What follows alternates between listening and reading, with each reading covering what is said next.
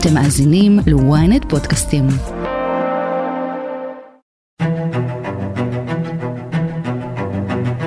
ישראל מופתעת ובלתי ערוכה לקראת התקפת הפתע המתואמת בתעלה ובגולן, והכוחות הסדירים מנסים לבלום באמצעיהם הדלים את האויב, כבר ממריאים מטוסי חיל האוויר לעבר סוריה ומצרים.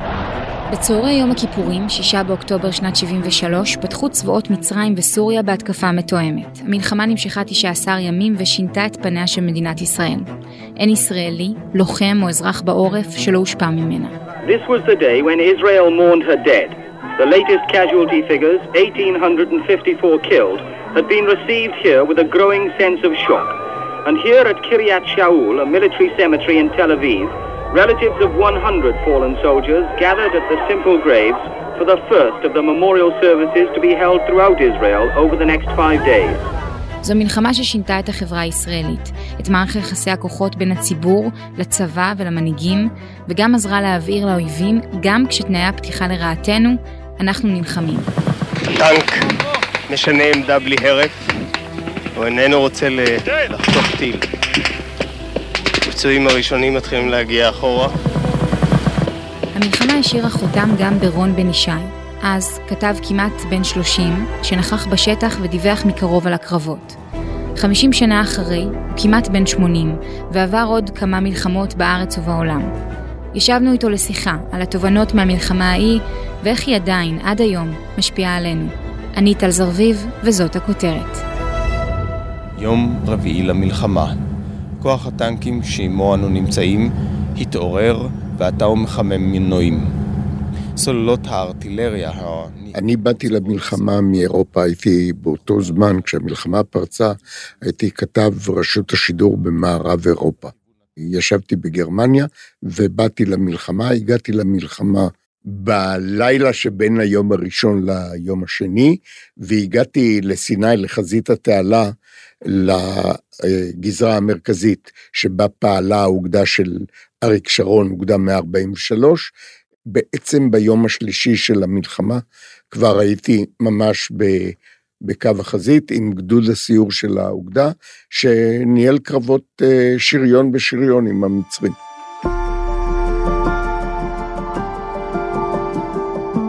קרה שעידנת או אפילו שקלת לעדן דיווחים כדי לא לפגוע במורל הלאומי? כן, כן, לא מעט. מהדיווחים שלי באותו זמן, לא הסתרתי את האמת, אבל לא אמרתי את כולה. וגם המרואיינים שלי, כשראיינתי חיילים ולוחמים ומפקדים, אז הם גם השתדלו שלא ידאגו בבית. המונח עידנת זה נכון. לא אמרתי את כל האמת, אבל לא שיקרתי. היו, היו גם עיתונאים שאמרו את זה, דרך אגב, לא, לא בכוונת מכוון, אלא ככה הם שמעו מ, מהפיקוד הבכיר, אנחנו ממגרים, אנחנו מנצחים, ובשעה שהמצב היה הפוך לגמרי. אבל אני בדיווחים לא נזהרתי, לא, לא יותר מדי להדאיג את הצופים והשומעים של הטלוויזיה הישראלית דאז, הייתה רק טלוויזיה אחת אה, בבית. ואיך כל זה ובכלל לראות את המלחמה הזו לאורך כל אורכה, איך זה השפיע על הסיקור שלך במהלך השנים בהמשך את צה"ל? המלחמה הזאת עשתה אותי יותר ביקורתי ויותר אה, סקפטי ביחס למה שאמרו, נגיד מה שצה"ל או מפקדים בכירים בצה"ל אמרו לי. אני התחלתי ככתב צבאי במלחמת ההתשה. ומלחמת ההתשה, צה"ל היה אחרי מלחמת ששת הימים, ואלופי צה"ל ואפילו אה, מג"דים בצה"ל היו אה, דמויות נערצות, כמעט אה, עבודת אלילים הייתה. ונהגת לקבל את מה שאמרו לך כמעט ללא עוררין. אחרי מלחמת יום הכיפורים אני המשכתי להיות, נסעתי לאירופה, כך שלא, כשחזרתי לעסוק בענייני צבא, זה היה במלחמת אה, לבנון הראשונה בשנת 82. אה, כשחזרתי אחרי תקופה בארצות, ככתב בוושינגטון, הייתי הרבה יותר ביקורתי, הרבה יותר בדקתי יותר מה שאמרו לי ו- וכן הלאה וכן הלאה, ולמדתי יותר לסמוך על השיפוט שלי, האישי, מאשר על, על מה שנאמר לנו.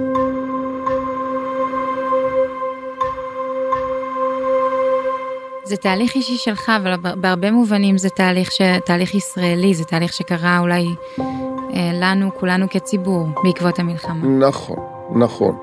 אבל אה, את אמרת בתחילת, ה...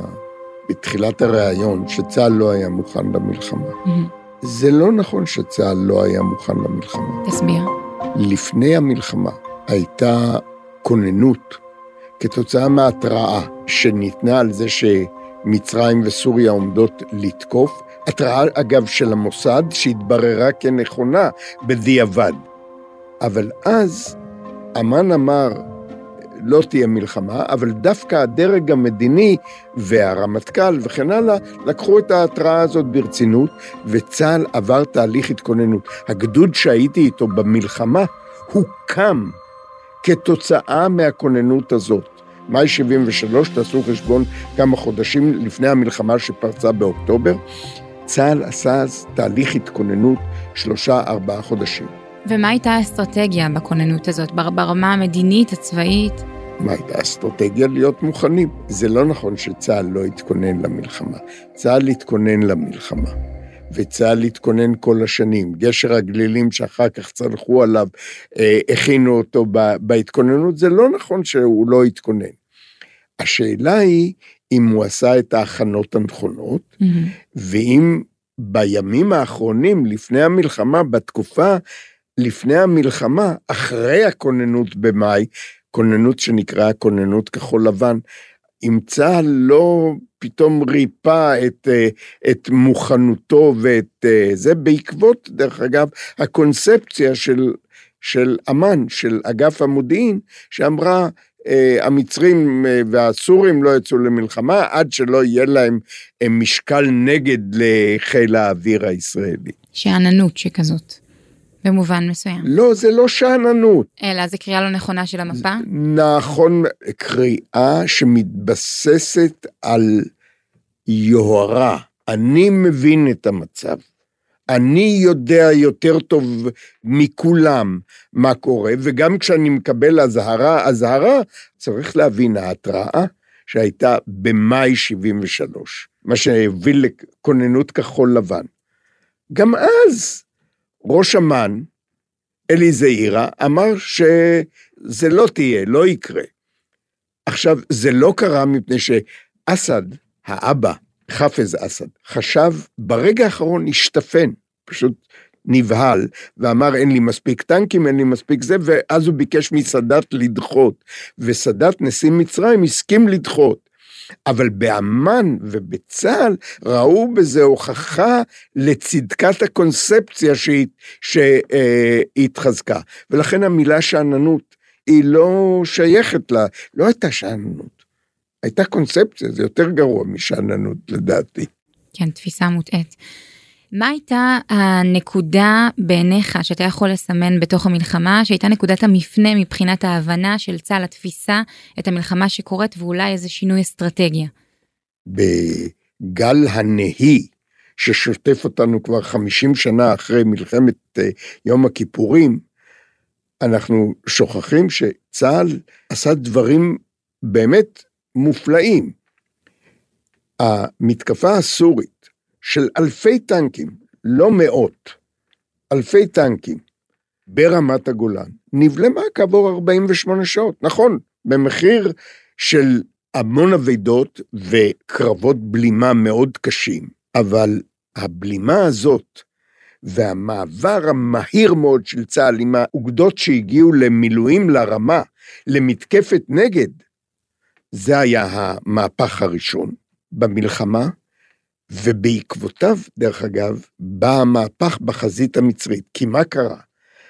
אסד, שפתאום ראה שהצבא שלו לא רק נבלם, אלא צה"ל מתחיל לשעוט לתוך סוריה, פנה בזעקת שבר לנשיא מצרים, סאדאת, שיציל אותו.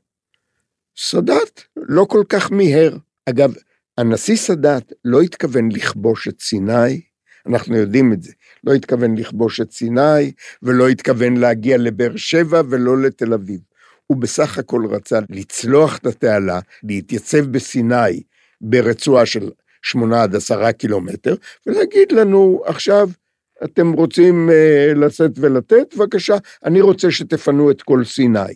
זו הייתה התוכנית של סאדאת.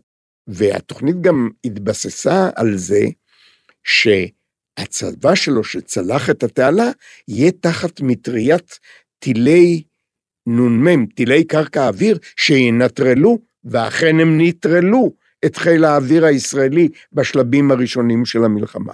ולכן כשאסד פנה לסאדאת ואמר, תציל אותי, ת, תתקוף בסיני, כדי שיורידו מעלה את הלחץ, אז סאדאת אמר, לא דחוף לי, אני, אני אבדוק, אני אראה. ואז אסד פנה לרוסים, ואמר להם, תלחצו על המצרים. ואז המצרים, הרוסים, הודיעו ל, ל, לנשיא, לנשיא מצרים סאדאת, שאם הוא לא תוקף, כמו שאסד ביקש, ומוריד את הלחץ ב, בסוריה, אז הם מפסיקים את האספקה לסאדאת. ואז סאדאת, בלחץ רוסי, נאלץ לתת הוראה לצבא שלו לתקוף צה"ל שהיה כבר ערוך לבלימה על רכס הדיונות שצופה אל התעלה. Israel had turned the canal's east bank into the most formidable defensive barrier in the world. They called it the Bar Lev Line. The front of the line was a 70 foot high wall of sand studded with heavily armed strongholds.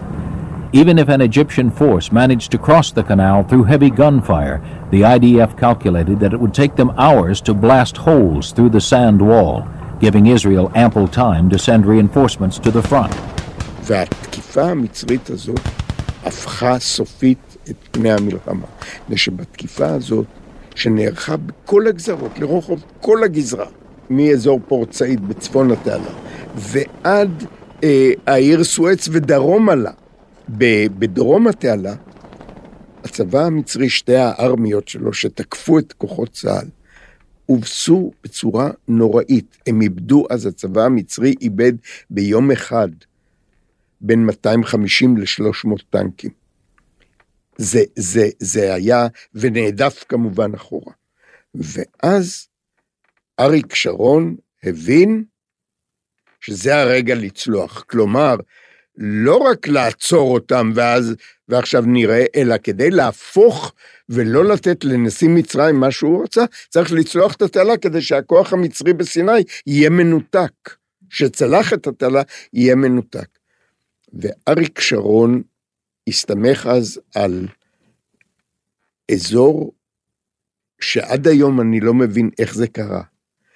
אזור פנוי בין שתי הארמיות המצריות. הייתה הארמיה המצרית השנייה שהייתה בצפון התעלה, והייתה הארמיה המצרית השלישית שהייתה מד, בדרום התעלה.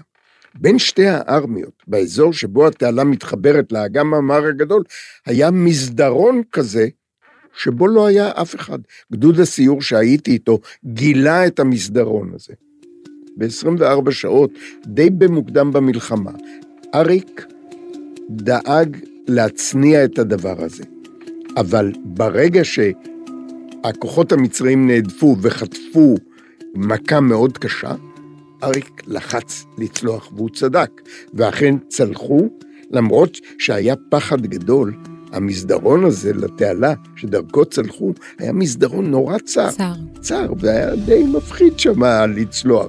כי היו מצרים בחווה הסינית, ממש על הציר, והיו הארמיה השלישית לא רחוק משם. כל מה שהם היו צריכים לעשות זה לסגור, לסגור. אותם. אבל המצרים לא הבחינו בצליחה, דרך אגב. לקח להם שלושה ימים להבין שצלחנו. אחרי uh, יום של uh, צליחה, כוח קטן של כ-30 טנקים נמצא מעבר לתעלה. אוגדה נוספת מנסה לפרוץ לעצמה דרך ולפתוח את הציר אל התעלה. דרך אגב, בשלושה ימים האלו, אני שלחתי כמובן כתבות ואמרתי, אה, צלחנו, עשינו, כל הכתבות האלו לא שודרו. אלא אחרי שלושת הימים האלו שזה נאמר. אבל זה היה התפנית הגדולה במלחמה. איזו מלחמה מודרנית מזכירה לרון את מלחמת יום הכיפורים? האם היה רגע במהלך המלחמה שהוא חשב שזו סופה של המדינה, ומה התכונה הישראלית הייחודית שהובילה אותנו לניצחון? הודעה קצרה ומיד חוזרים. ynet פלוס החדש עם הסיפורים הכי מעניינים ומיטב הכותבים. חודש ראשון בחמישה שקלים ותשעים בלבד. למצטרפים חדשים כפוף לתנאי השימוש.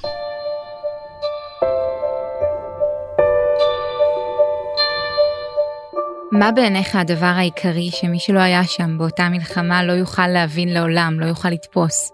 אני חושב שכולם יכולים לתפוס, במיוחד כשאנחנו רואים מה קורה באוקראינה. אנחנו רואים את המלחמה באוקראינה, יש המון דברים דומים בין המלחמה באוקראינה לבין המלחמה פה. אבל אני חושב שהמוטיבציה מנצחת. בניגוד לאוקראינה... שנזכיר שאתה היית שם, סיקרת את המלחמה מקרוב. נכון. בניגוד לאוקראינה, ששם המוטיבציה הייתה בצד האוקראיני, ובצד הרוסי היא בשפל המדרגה.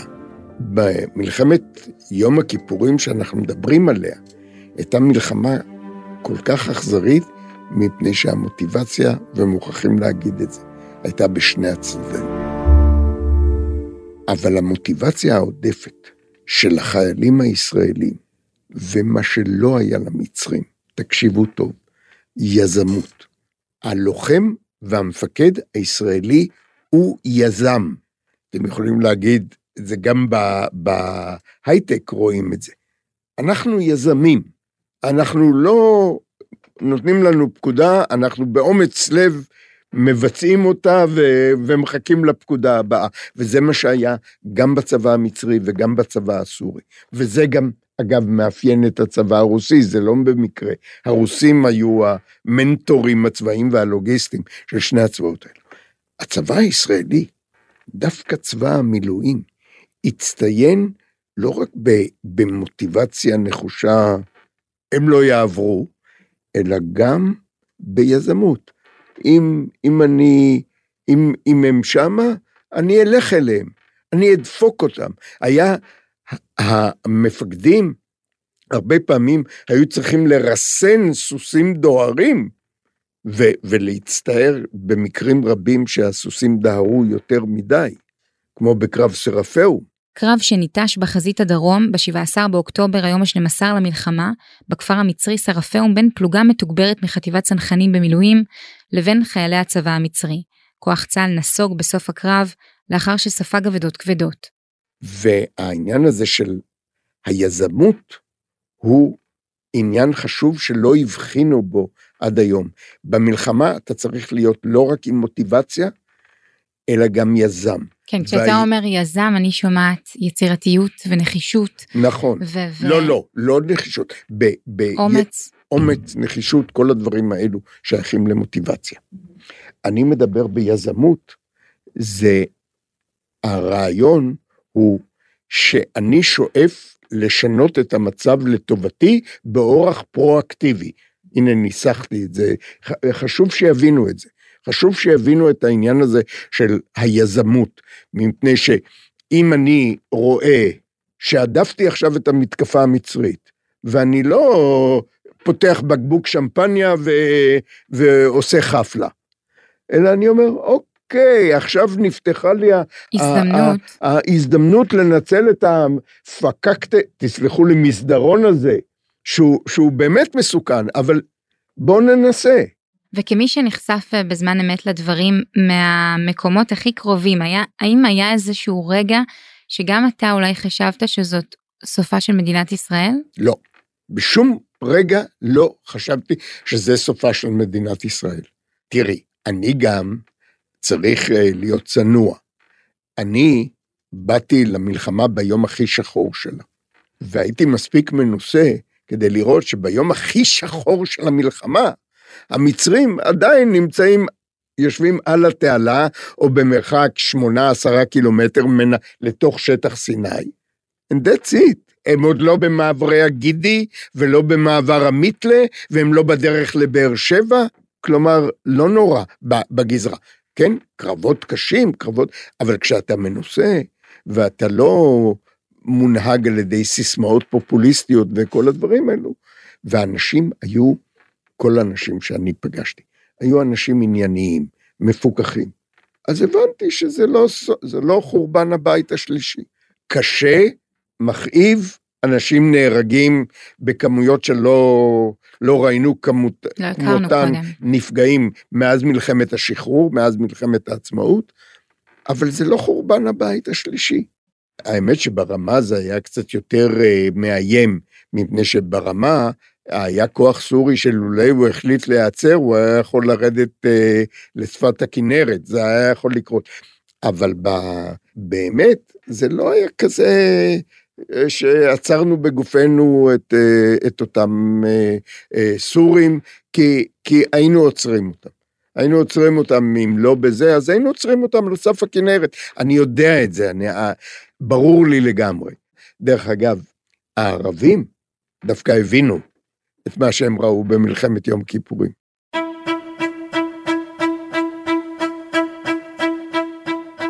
אויבי מדינת ישראל, אז, וחלק מהם עד היום, הבינו שאם הם תפסו אותנו בהפתעה, ביום כיפור, בתנאים הכי אופטימליים שהם יכולים, כשהצבאות שלהם מתפוצצים מנשק וציוד צבאי סובייטי, רוסי, חדיש. מדרום, מצפון. מדרום, מצפון, התקפה מתואמת וכל זה, ולא הצליחו. שם מתגלה העוצמה שלנו. אז כן, אז, אז, אז אין סיכוי. ושם נזרע השלום עם מצרים, אחר כך שלום עם ירדן, ואחר כך שלום עם ה... הם הבינו. אבל מה, מה, דרך אגב, מה הם הסיקו מזה? יש כאלו שלא קיבלו את הדין. הסורים למשל, הלבנונים למשל, חיזבאללה, האיראנים. אז מה הם עושים? הם לא מנסים, מה שנקרא, לזרוק אותנו לים בפעולה צבאית, אלא הם מנסים לגרום לנו לקרוס באמצעות מלחמת התשה.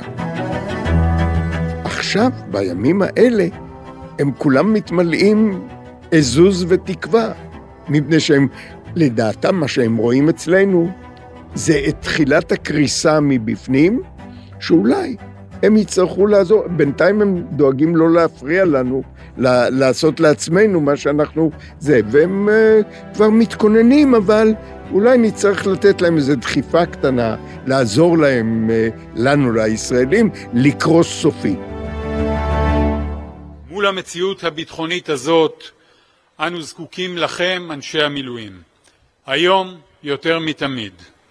ולצד זאת, וכדי לשמור על הפלא הזה, שתכליתו קיומית, צריך גם לומר בקול רם וברור, אסור לעשות שימוש בשירות המילואים למטרות שאינן מסדר הביטחון.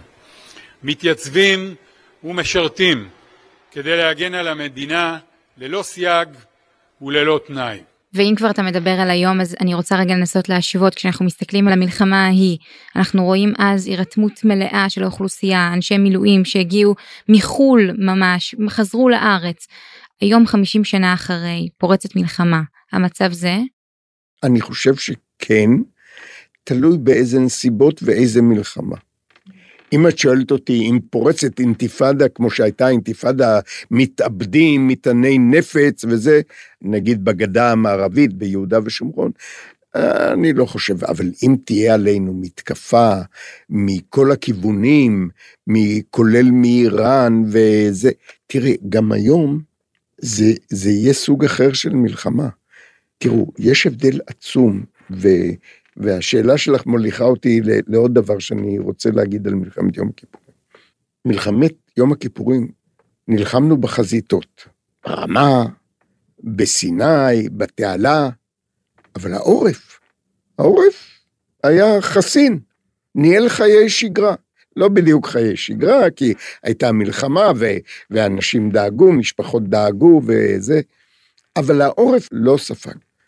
היום המצב הפוך. המלחמה הבאה, החזית העיקרית תהיה בעורף, לא בחזית. החזית, צה"ל להילחם. מי שיספוג את הטילים מכל הכיוונים, של כל המנוולים שהאיראנים מגייסים, זה העורף. ולכן את שואלת אם אנשים יבואו וזה, יבואו. אבל לא, לא יהיה צריך כל כך בקיצוניות המון המון לוחמים בחזית. צריך יהיה לפעול בחזית מה שיותר מהר כדי שהעורף יפסיק לספוג. זה תהיה מלחמה מסוג אחר. ולכן גם אני חושב שלהקיש ממלחמת יום הכיפורים על המלחמה הבאה, אני מקווה שלא תהיה, אבל המלחמה הבאה, צריך להבין, היא תהיה מלחמת העורף, ושהעורף בה הוא החזית העיקרית, בניגוד למלחמת יום הכיפורים, שבה חזית הלחימה המרוחקת. ו, ובעניין הזה, דרך אגב, צריך בכל זאת להגיד, מה שמלחמת ששת הימים נתנה לנו, זה בדיוק את העומק האסטרטגי הזה. הערבים הבינו שיש לנו עומק אסטרטגי, הערבים והפרסים, האיראנים, הבינו שיש לנו עומק אסטרטגי, אז עכשיו הם מנסים לגשר עליו באמצעות טילים, רקטות, כטב"מים, טילי שיוט, כל מיני דברים, פצצת אטום. רון בן ישי, תודה רבה, המון המון תודה. תודה רבה לכם.